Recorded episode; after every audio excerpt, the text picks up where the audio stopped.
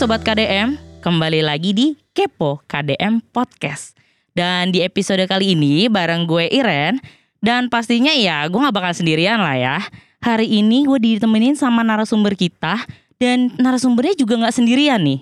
Hari ini narasumber kita ada dua orang.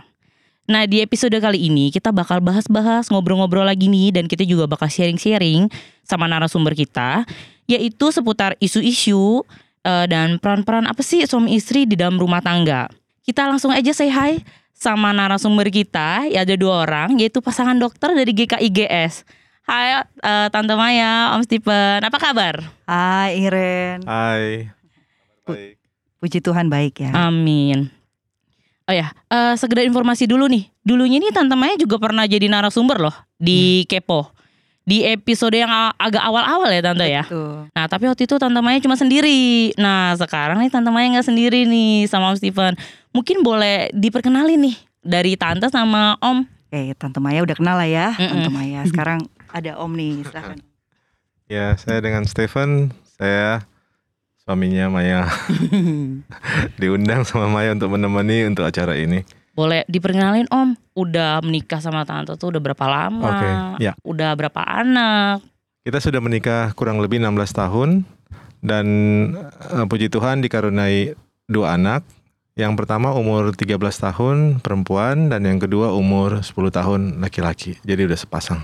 Sip nih ya, udah sepasang ya Om Tante ya. Udah lengkap ya. Udah lengkap. Nah, uh, hari ini nih Om Tante kita mau ngobrol-ngobrol soal peran suami istri nih. Nah kebetulan nih kalau kita ngelihat zaman now ya, yeah. bahasanya zaman now, zaman sekarang. Kalau kayak zaman-zaman dulu ya, kalau zaman kayak mami papi aku kan kayak istri itu ya tugasnya di dapur, di rumah hmm. urus anak. Kalau suami itu kerja, cari duit, pokoknya cari rezeki lah gitu, yeah. ngantor lah atau apa. Yeah. Nah zaman sekarang tuh nggak kayak gitu lagi, nggak jarang yang Malah hmm, istri-istrinya yang lebih jago cari duit, cari rezeki. Tapi bapak-bapak juga nggak kalah nih jago buat urus anak, urus rumah gitu. Nah ini kalau dari pandangan atau pendapat Om sama Tante ini, ini sah-sah aja atau kebalik atau gimana nih? Menurut okay. Om dulu deh. Ya, memang zaman sekarang paradigmanya lebih berubah ya. Paradigmanya di mana kita lebih uh, melihat uh, peluang yang ada gitu. Di mana zaman sekarang peluang ternyata uh, tidak hanya didapatkan oleh kaum laki-laki tapi perempuan kaum wanita juga mendapat peluang yang hampir sama gitu. Sehingga kita juga harus menyesuaikan atau bisa lebih fleksibel mengambil peranan yang seperti itu dan uh, mampu untuk beradaptasi dengan peluang-peluang yang baru di zaman saat ini. Jadi bagi kami sih saya, itu sah-sah aja. Cuman di saat memilih peranan yang sedikit berbeda dengan peran yang konvensional, tentu uh, banyak sekali um, komitmen atau tantangan yang akan dihadapi kalau mengambil peran yang uh, sedikit berbeda dengan peran yang konvensional. Mungkin tante tambahin sedikit ya. Jadi Boleh tante. Kalau tante tuh menganggapnya kalau soal pekerjaan itu baik perempuan maupun laki-laki baik suami maupun istri itu nggak ada bedanya gitu. Kita perempuan juga bisa melakukan uh, pekerjaan-pekerjaan yang mungkin bisa mendatangkan fin secara finansial lebih gitu ya dibandingkan su istri uh, suaminya gitu. Tetapi memang uh, peran sebagai istri di rumah yang menjadi penolong itu tetap tetap berlaku gitu. Jadi walaupun dia di di luar dia mendapatkan penghasilan yang mungkin lebih daripada suaminya, tapi di rumah yang menjadi pemimpin rumah tangga, kepala keluarga itu adalah suaminya. Gitu. Jadi ini menurut Om sama Tante ini sah-sah aja sah -sah ya. aja. Fleksibel, iya. ngikutin zaman, iya. enggak kaku. Iya. Uh, ya sesuai dengan zaman now iya. lah ya, enggak iya. kaku kayak zaman dulu. Iya. Tapi tetap uh, pada rulesnya, pada perannya, iya. yaitu istri sebagai penolong suami iya. dan suami sebagai kepala keluarga betul. yang memimpin betul. gitu ya. Jadi tetap tidak keluar dari on the tracknya iya, ya. Betul. Nah kan menurut Om sama Tante kan gak ada yang salah nih ya iya. dengan itu yang penting kan uh, berdasarkan uh, keputusan uh, bareng-bareng betul ya kan nah karena tadi kita udah denger nih kita mau nanya lagi nih sama Om sama Tante karena itu kan di lagi di masyarakat tuh suka jadi isu kan ya iya. suka jadi perguncingan lah kayak gitu nah kalau dari pengalaman Om sama Tante sendiri nih kan peran sama Om sama Tante itu kan pasti udah berubah lah yang tadinya baru merit cuman hmm. berdua terus ada anak satu eh terus muncul lagi anak dua gitu pasti kan seasonnya terus berubah nih menurut Om sama Tante tuh gimana tuh? Pengalamannya gimana? Ada yang berubah nggak? Peranan sebagai suami istri sebenarnya secara keseharian memang akan menyesuaikan dengan uh, challenge atau tantangan di setiap periode dari, kehidupan berkeluarga. Di saat kita belum punya anak, tentu kita lebih memfokuskan untuk menambah mempererat hubungan antara kedua belah pihak juga uh, di saat itu kesempatan untuk kita menambah trust atau kepercayaan antara kedua individu yang baru pertama kali ketemu dan hidup bersama. Tapi seiring dengan mendapatkan anak, tentu fokus kita bertambah lagi bahwa kita harus mencintai, menyayangi dan membesarkan anak uh, sehingga kasih sayang itu harus sama-sama mengerti bahwa itu akan terbagi dengan anak kita.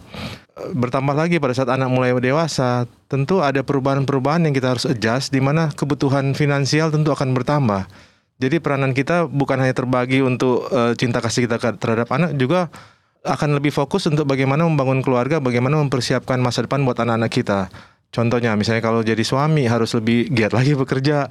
Jadi istri selain dia punya perhatian untuk membesarkan anak, dia juga harus melihat oh kira-kira saya berperan gimana, saya mau menunjang suami nggak untuk dari dari masalah finansial dia harus membantu atau kalau suami sudah sekiranya sekiranya sudah cukup dia akan menutupi hal-hal yang mana di mana membantu misalnya sebagai ibu harus harus uh, ikut serta dalam setiap perkembangan dari anak yang misalnya menginjak dewa, uh, remaja dan dewasa gitu.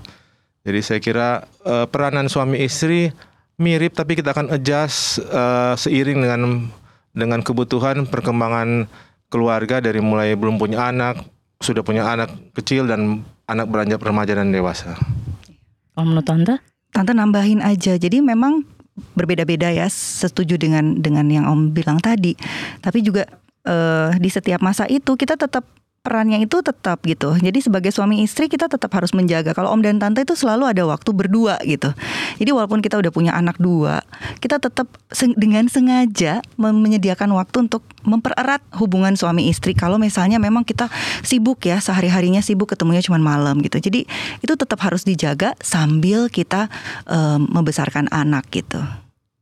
Ini jujur buat aku pribadi menarik ya. Yeah. Sebagai salah satu uh, yeah. pasutri muda yeah. juga di GKI yeah. dan baru punya baby, aku yeah. tadi menarik banget dengan jawaban Om yang Om bilang kalau uh, berubah dan berubahnya itu bukan cuma dari aspek uh, tanggung jawab ya Om ya, yeah. tapi dari sisi berbagi kasih sayang yeah, yang tadinya cuma berdua sama istri, yeah. terus sekarang punya anak gitu. Yeah. Ini aku juga ngerasain gitu ya. Uh, suamiku tiba-tiba juga uh, jadi kayak eh kok dia peluk-peluk yang anak kayak gini gitu gak peluk-peluk istri lagi kayak ya, gitu. Memang biasanya suami-suami yang begitu ya. Terus yang menariknya juga bener ya Om ya. Tadi itu karena tanggung jawab bertambah, secara finansial juga mau nggak mau kita harus ngomong memang secara jujur juga pasti ya, bertambah betul. bebannya. Uh, dari yang uh, is, cuman biayain istri, terus sekarang anak satu, yeah. terus nanti mungkin anak dua, belum yeah. nanti anak yang masuk sekolah. Iya yeah, betul. Masuk sekolah terbaya yang barengan masuk sekolahnya, kayak gitu, belum biaya-biaya lainnya yeah. gitu dan di luar itu masih banyak tanggung jawab tanggung jawab lainnya. Yeah. Ini menarik banget nih mungkin buat pasutri-pasutri muda GKIGS nih aku yakin juga lagi ngerasain di season-season ini nih di mana kita yeah. tadinya yang cuman berdua terus sekarang punya anak uh, bulan demi bulan jalan terus mungkin yeah. anaknya mulai masuk uh, yeah. satu tahun jujur itu memang kami lagi merasakan sih yeah. season season ini dan ya untuk uh, apa suami-suami dan istri-istri uh, muda ini ya uh, lagi punya tantangan banget ya untuk apa ya menyesuaikan on the tapi tetap on, tetap the, on track. the track. gitu. Harus bisa memanage waktu kalian, harus bisa memanage finansial kalian gitu. Dan itu harus sevisi dua-duanya. Jadi kalian berjalan menuju suatu tujuan yang sama, membesarkan anak, memperkuat rumah tangga, menguatkan dasar landasan kalian gitu. Jangan sampai misalnya satu fokus kalian terlalu berlebihan misalnya karena baru ada anak istri nggak diurusin, suami nggak diurusin, anak aja. Itu juga nggak baik gitu. Jadi kita harus mampu untuk uh, semua tuh seimbang gitu. Kalau nggak bisa bisa apa namanya bisa kacau rumah tangga awal apalagi di awal-awal. Kalian kan baru mulai kenal tinggal bersama-sama tiba-tiba datang anak. Itu tantangan luar biasa. Tapi uh, kita harus lebih bijak ya, harus berhikmat, minta bantuan Tuhan ya, minta pertolongan Tuhan gitu untuk memampukan kalian untuk sabarnya lebih tinggi, lebih banyak ya kan? Sabar. Sabar, sabar harus lebih banyak. Terus uh, suami dan istri itu harus peka terhadap kebutuhan sesama. Jadi kalau misalnya anak lagi rewel sakit suaminya yang mungkin tidak di rumah atau istrinya yang mungkin tidak di rumah itu harus bisa memperhatikan memberikan perhatian lebih gitu. Jadi sama-sama mungkin gantian jaga anaknya ya kan. Suaminya juga bukan berarti dia kepala keluarga terus dia nggak nggak sentuh nggak ngurusin anak nggak nggak juga betul. ya kan. Harus sama-sama saling membantu gitu. Dia udah harus peka gitu melihat kebutuhan uh, siapa pun yang ada di rumah bisa suami bisa istri gitu. Jadi kita ini kan teamwork ya kan gitu. Tapi perannya tetap sendiri sendiri-sendiri, namun tujuannya sama. Ini kalau boleh aku simpulin ya, berarti tambahan lagi nih dari Tante Maya nih kayak sama suami dan istri tetap on the track sesuai dengan perannya, tapi karena baru uh, seasonnya makin berubah, tetap harus stay sevisi, uh, tetap uh, tetap kompak dan satu lagi tadi penting tuh peka terhadap pasangan.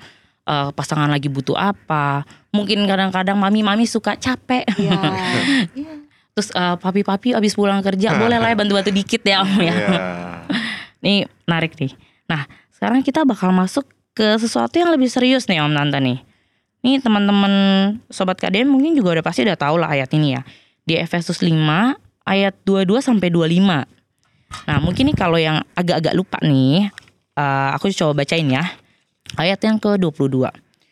Hai istri, tunduklah kepada suamimu seperti kepada Tuhan Ayat yang ke-23, karena suami adalah kepala istri, sama seperti Kristus adalah kepala jemaat.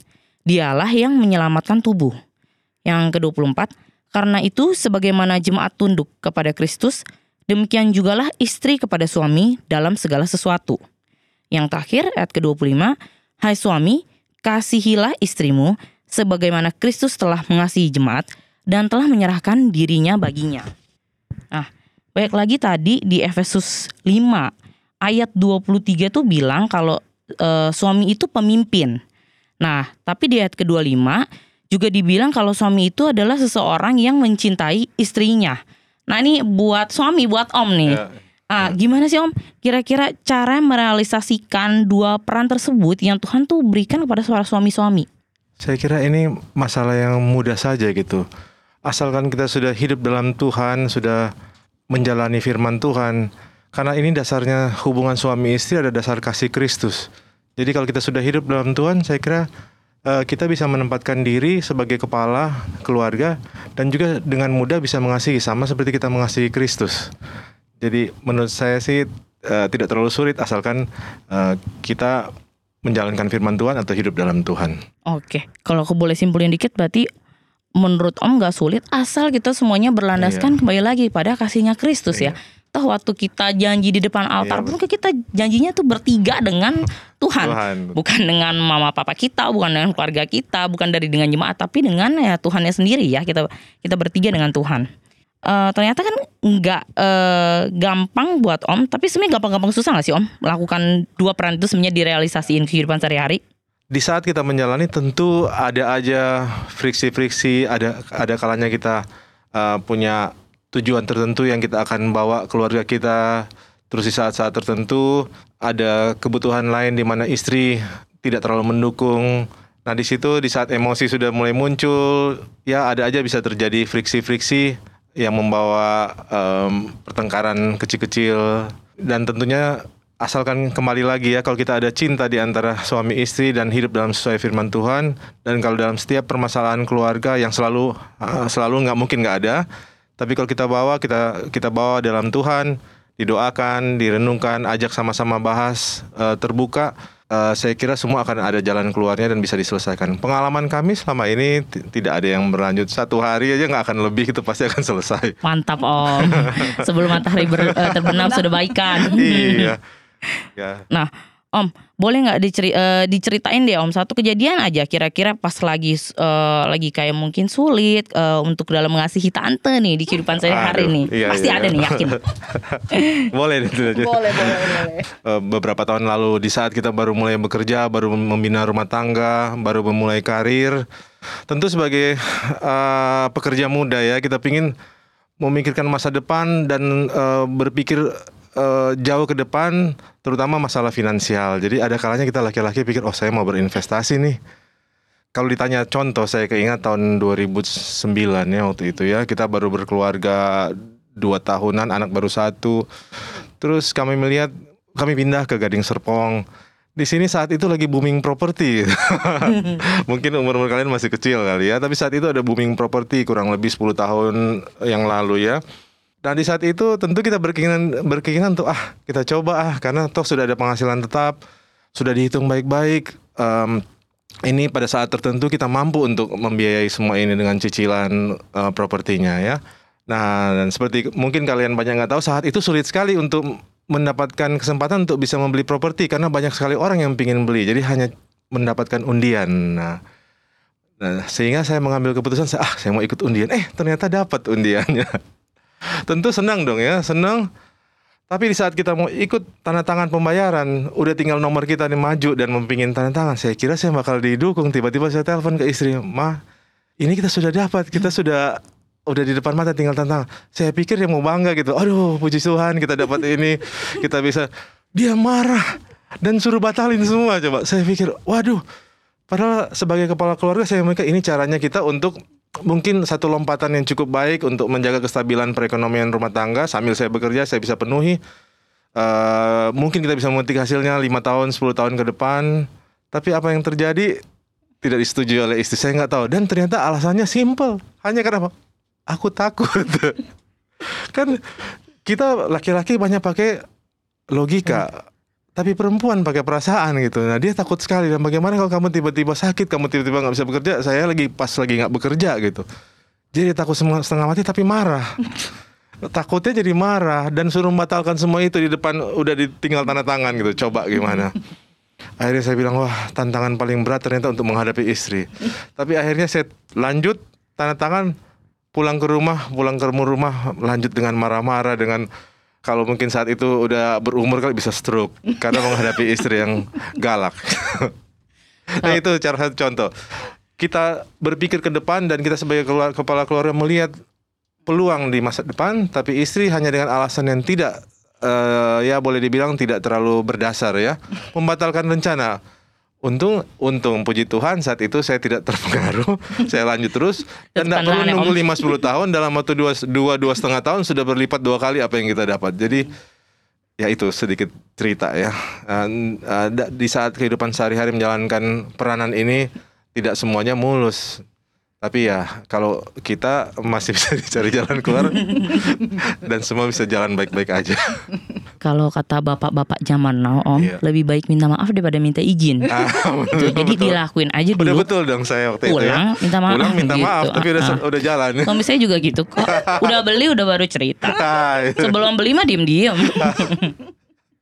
Nah, semua bapak-bapak berarti dari zaman dulu dan sekarang semua iya, sama, iya. semua sama. Nah sekarang buat tante nih Tante di ayat itu tuh dibilang Kalau kita tuh istri-istri tuh harus tunduk sama suami Kadang-kadang ada gak sih kayak perasaanmu Dina ini Tunduknya seperti apa? Mau yes to everything? Apa gimana nih tante? Iya, itu apalagi kalau dapet perempuan yang uh, cukup alfa ya, maksudnya perempuan-perempuan yang memang cukup ya kalau kayak tante lama kami berdua kan punya latar belakang. Itu kehidupan sendiri itu lama gitu. Kita bertemu nggak lama pacaran langsung menikah. Jadi untuk menyesuaikan diri untuk bisa tunduk tuh susah sebenarnya, sangat susah. Apalagi kalau kalian tahu karakter tante, uh, itu susah banget. Namun memang uh, tante melihat ya kalau ini kan kami udah memasuki uh, tahun pernikahan yang ke-16. Itu kami mulai merasa bahwa uh, di awal-awal itu memang kita banyak goyang ya. Kita kita akan akan lebih lebih banyak goyang karena kita menyesuaikan diri. Jadi tunduk itu sulit. Terus terang tante menganggap itu sulit. Namun seiring berjalannya waktu, uh, kami mulai mengetahui sifat karakter masing-masing. Sehingga kami tante mulai melihat bahwa iya, ini Om sangat bertanggung jawab. Tante melihat dia menjadi pemimpin yang memberikan teladan, sabar gitu ya. Maksudnya menjadi pemimpin yang uh, mengarahkan dan punya visi yang yang cukup cukup uh, kuat dan dan tegas orangnya gitu. Dan dia memang panjang berpikirnya jauh ke depan. Sehingga itu jadi me, tidak menyulitkan bagi tante untuk melakukan. Walaupun memang di awal-awal itu sulit gitu ya karena kita kan menyesuaikan diri. Tapi lama-lama ya dengan semakin hari kita membina juga relasi dengan Tuhan Tuhan mengajarkan untuk mengasihi menghormati suami menjadi penolong.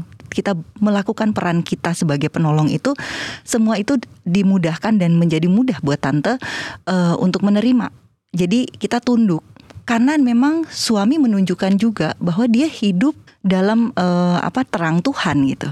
Dia hidup sesuai dengan firman Tuhan. Sama-sama kita berjalan bersama-sama di dalam uh, lindungan Tuhan sehingga jadi semakin mudah bagi tante untuk uh, melakukan itu. Tapi menurut tante, kalaupun kita mendapatkan suami yang tidak hidup di dalam Tuhan, ya ini kan udah jadi suami ya. Beda kalau masih pacaran, ini udah jadi suami. Ya istri harus bisa terus uh, menghormati dia, tetap menganggap dia sebagai pemimpin, tapi terus mendoakan. Karena selama dia tidak mengajarkan atau meminta kita melakukan di luar firman Tuhan, suami itu bisa aja berpin bisa aja kan mengikuti kita untuk hidup benar. Tapi selama dia tidak, kalau dia misalnya minta kita untuk melakukan hal di luar firman Tuhan, misalnya kita disuruh berdosa lah gitu ya, ya tentu kita nggak akan tunduk. Jadi tetap kita adalah anak Allah dulu, baru istri kan. Jadi itu dulu, anak Allah dulu. Otomatis kita harus takut akan Tuhan dulu, kemudian kita bisa tunduk pada suami. Asal dia berjalan benar. Kalaupun dia tidak berjalan benar, selama dia tidak meminta kita untuk keluar dari garis itu, kita uh, tunduk. Wajib tunduk dan tetap minta pertolongan Tuhan untuk mengubah dia gitu. Jadi menurut tante tuh iya, tapi juga harus lihat iya yang bagaimana. Tapi secara tidak langsung kalau aku tadi nyimpulin berarti ya si suaminya sendiri juga harus yeah. dulu memberi contoh kepada yeah. para istri. Aku suami, yeah. anak Tuhan, yeah. berjalan di tracknya Tuhan. Yeah. Istri ngelihat, jadi istri dan anak-anak tuh bisa nyontoh Betul. dari si suami si kepala keluarga Betul. itu. Dan walaupun suami nggak bener pun ya, Betul. kan kita denger ya banyak lagi yang yeah. di infotainment Betul. ya om tante. Betul. Mau suami nggak benar, tapi yang penting istri, istri. harus oh jujur juga oh, di yeah. on the track duluan. Yeah. Jadi mau suami kayak gimana, tapi aku sebagai istri sudah punya Benar. pendirianku Betul. di dalam Tuhan ya. Betul. Jadi tidak tetap apa ya tidak tergoyahkan tidak ya. Tergoyahkan. Malah kita kalau bisa kita yang jadi nolongin Betul. suami ya. kan penolong. Hmm. Ya. Peranan istri. Iya. Um, buat para istri juga di saat uh, dalam posisi seperti itu dia berperan juga sebagai uh, penolong, pemberi nasihat, pengingat gitu supaya suami kembali ke jalan Tuhan. Coba baik lagi ya ke firman Tuhan. Kalau memang pada asal muasalnya Tuhan memang sudah menciptakan istri-istri sebagai penolong. Iya. Dan pada praktikalnya dari zaman dulu iya. sampai sekarang pun ya tetap seperti itu sesuai dengan firman Tuhan ya. Iya. Nah, tante kira-kira ada tantangan tersendiri nggak? Mungkin contoh aja tante, contoh kecil aja tantangannya yaitu di awal. Di awal itu karena belum terlalu mengenal dekat. Jadi tantangannya adalah e, bagaimana tetap mengik harus tunduk tapi kita juga tunduk yang yang ya pakai ibaratnya kita berhikmat gitu menggunakan akal juga gitu tunduknya. Tapi kita juga jadi harus apa ya harus bisa fleksibel dan harus bisa contohnya bagaimana ya contohnya pada saat misalnya om kayak tadi ya cerita om yang seperti tadi itu kita kan menggunakan perasaan, kita langsung bereaksi gitu. Tapi tante biasanya setelah itu terus tante lihat dia juga e, memberikan alasan-alasan yang cukup kuat, sedangkan tante kan memang cuman ketakutan gitu karena tante merasa melihatnya dari sudut pandang tante. Tante tidak bekerja jadi apa-apa dengan om gimana lunasinnya gitu kan. Gitu. Jadi akhirnya om juga mau mendengar tante ya udah tante akhirnya ya udah oke okay, gitu. Walaupun memang ya namanya perempuan agak susah ya kita untuk mau langsung menerima gitu. Perlu waktu. Jadi tantangannya yaitu kita harus lebih panjang sabar dan mau mendengar. Jadi pada saat kita menghadapi konflik begitu kita dengar dan suami juga harus bisa kasih alasan sih yang kuat. Jadi kita kan jadi oh ya oke. Okay. Ya balik gitu. lagi istri-istri juga harus mau tunduknya, tunduknya dengan mendengar ya. Mendengar. Karena kok istri kan juga mulut duluan, oh, mau duluan, iya. ya kan. Tapi sebenarnya kita harus dikasih Tuhan kuping, kuping untuk, dua, untuk, uh, kuping nah, dua, mulut satu iya. untuk lebih banyak, lebih banyak mendengar, mendengar daripada berbicara. Langsung iya. Rojas ya. Kita dengerin dulu, baru kita baru bisa berkata-kata lebih bijak ya. Betul. Ini uh, seru banget ya Om iya. Tante. Uh, kalau dibicarain soal peran suami istri, kayaknya dari zaman dulu sampai sekarang persoalannya banyak, banyak kompleks banget. banget. Dan sebenarnya kalau diobrolin tuh nggak bisa nggak bisa habis ya. Episode episode kali ya, banyak banget gitu ya. Ini kalau boleh aku uh, simpulin ya, buat juga sobat KDM ya. Uh, peran suami istri yang sebagaimana kalau sudah Tuhan tentukan uh, suami punya perannya sendiri, istri punya perannya sendiri. Tadi kita udah dengar dari Om Stefan, Tante Maya, seiringnya juga seasonnya berubah, suami juga uh, tanggung jawabnya berubah secara finansial, secara kasih sayang. Istri juga tanggung jawabnya berubah. Tadinya cuman uh, ngurusin suami, ngurusin anak, uh, jadi anak satu ada anak dua gitu. Terus di luar sana juga aku sering juga kayak dengar kayak ada yang suaminya bekerja, yang mau nggak mau kalau nggak cukup istri juga akhirnya jadi uh, turun tangan juga harus menolong. membantu, menolong. Nah kembali ah. lagi menolong nih, menolong ikut nolong juga dalam rumah tangga. Terus kalau aku tadi simpulin lagi uh, bahwa masing-masing suami istri itu penting banget sudah on the track duluan di dalam Tuhan, sudah menjadi pribadi-pribadi di dalam Tuhan. Baru suami bisa jadi pemimpin yang baik, istri bisa jadi penolong yang baik. Seperti yang tertulis juga ya di Efesus 5 ayat 33 ini, ini menarik banget nih ayatnya. Aku baca sedikit, bagaimanapun juga bagi kamu masing-masing berlaku, kasihilah istrimu seperti dirimu sendiri dan istri hendaklah menghormati suaminya. Nah, jadi walaupun kalau aku tangkap dari ayat ini uh, biar bagaimanapun hebatnya istri-istri mungkin ada yang bekerja akhirnya suami-suami yang di dalam yang di rumah maupun juga dibalik lagi balik lagi suami-suami yang kerja istri-istri yang di rumah seberapa hebat istri-istri seberapa hebat suami-suami tetap lagi balik lagi Tuhan bilang ya istri-istri harus tunduk pada suami dan suami-suami untuk uh, disuruh Tuhan untuk memimpin dan menyayangi istrinya. Kalau dulu aku pernah dengar uh, kenapa uh, kita istri atau perempuan itu diciptakan dari tulang rusuk tulang bukan tul tulang kepala karena bukan untuk dipuja-puja. kenapa bukan dari tulang kaki? Karena bukan untuk diinjak-injak. Iya. Dan menurut aku tuh suatu uh, apa ya kayak frase yang indah sih. Kayak bener juga ya kenapa Tuhan menciptakan kita kita perempuan si istri-istri itu dari tulang rusuk. Terus tapi harus disesuaikan lagi dengan firman yang udah Tuhan kasih di Efesus tadi gitu. Thank you banget Om Tante. Sama-sama. Buat sharing-sharingnya. Sama-sama. Sangat menarik, sangat kompleks dan semoga ini bisa buat teman-teman KDM uh, eh, bisa jadi apa ya? Bisa jadi uh, bahan sharingan lagi kita, yeah. apalagi buat teman-teman KDM yang pastutri-pastutri muda, teman-teman yang lagi in relationship yeah. atau juga lagi yang uh, lagi mempersiapkan pernikahan. Pasti ketika kita masukin uh, gerbang pernikahan nanti punya anak itu pasti segalanya uh, life changing ya. Sekian dulu di episode Kepo kita hari ini. See you on the next Kepo.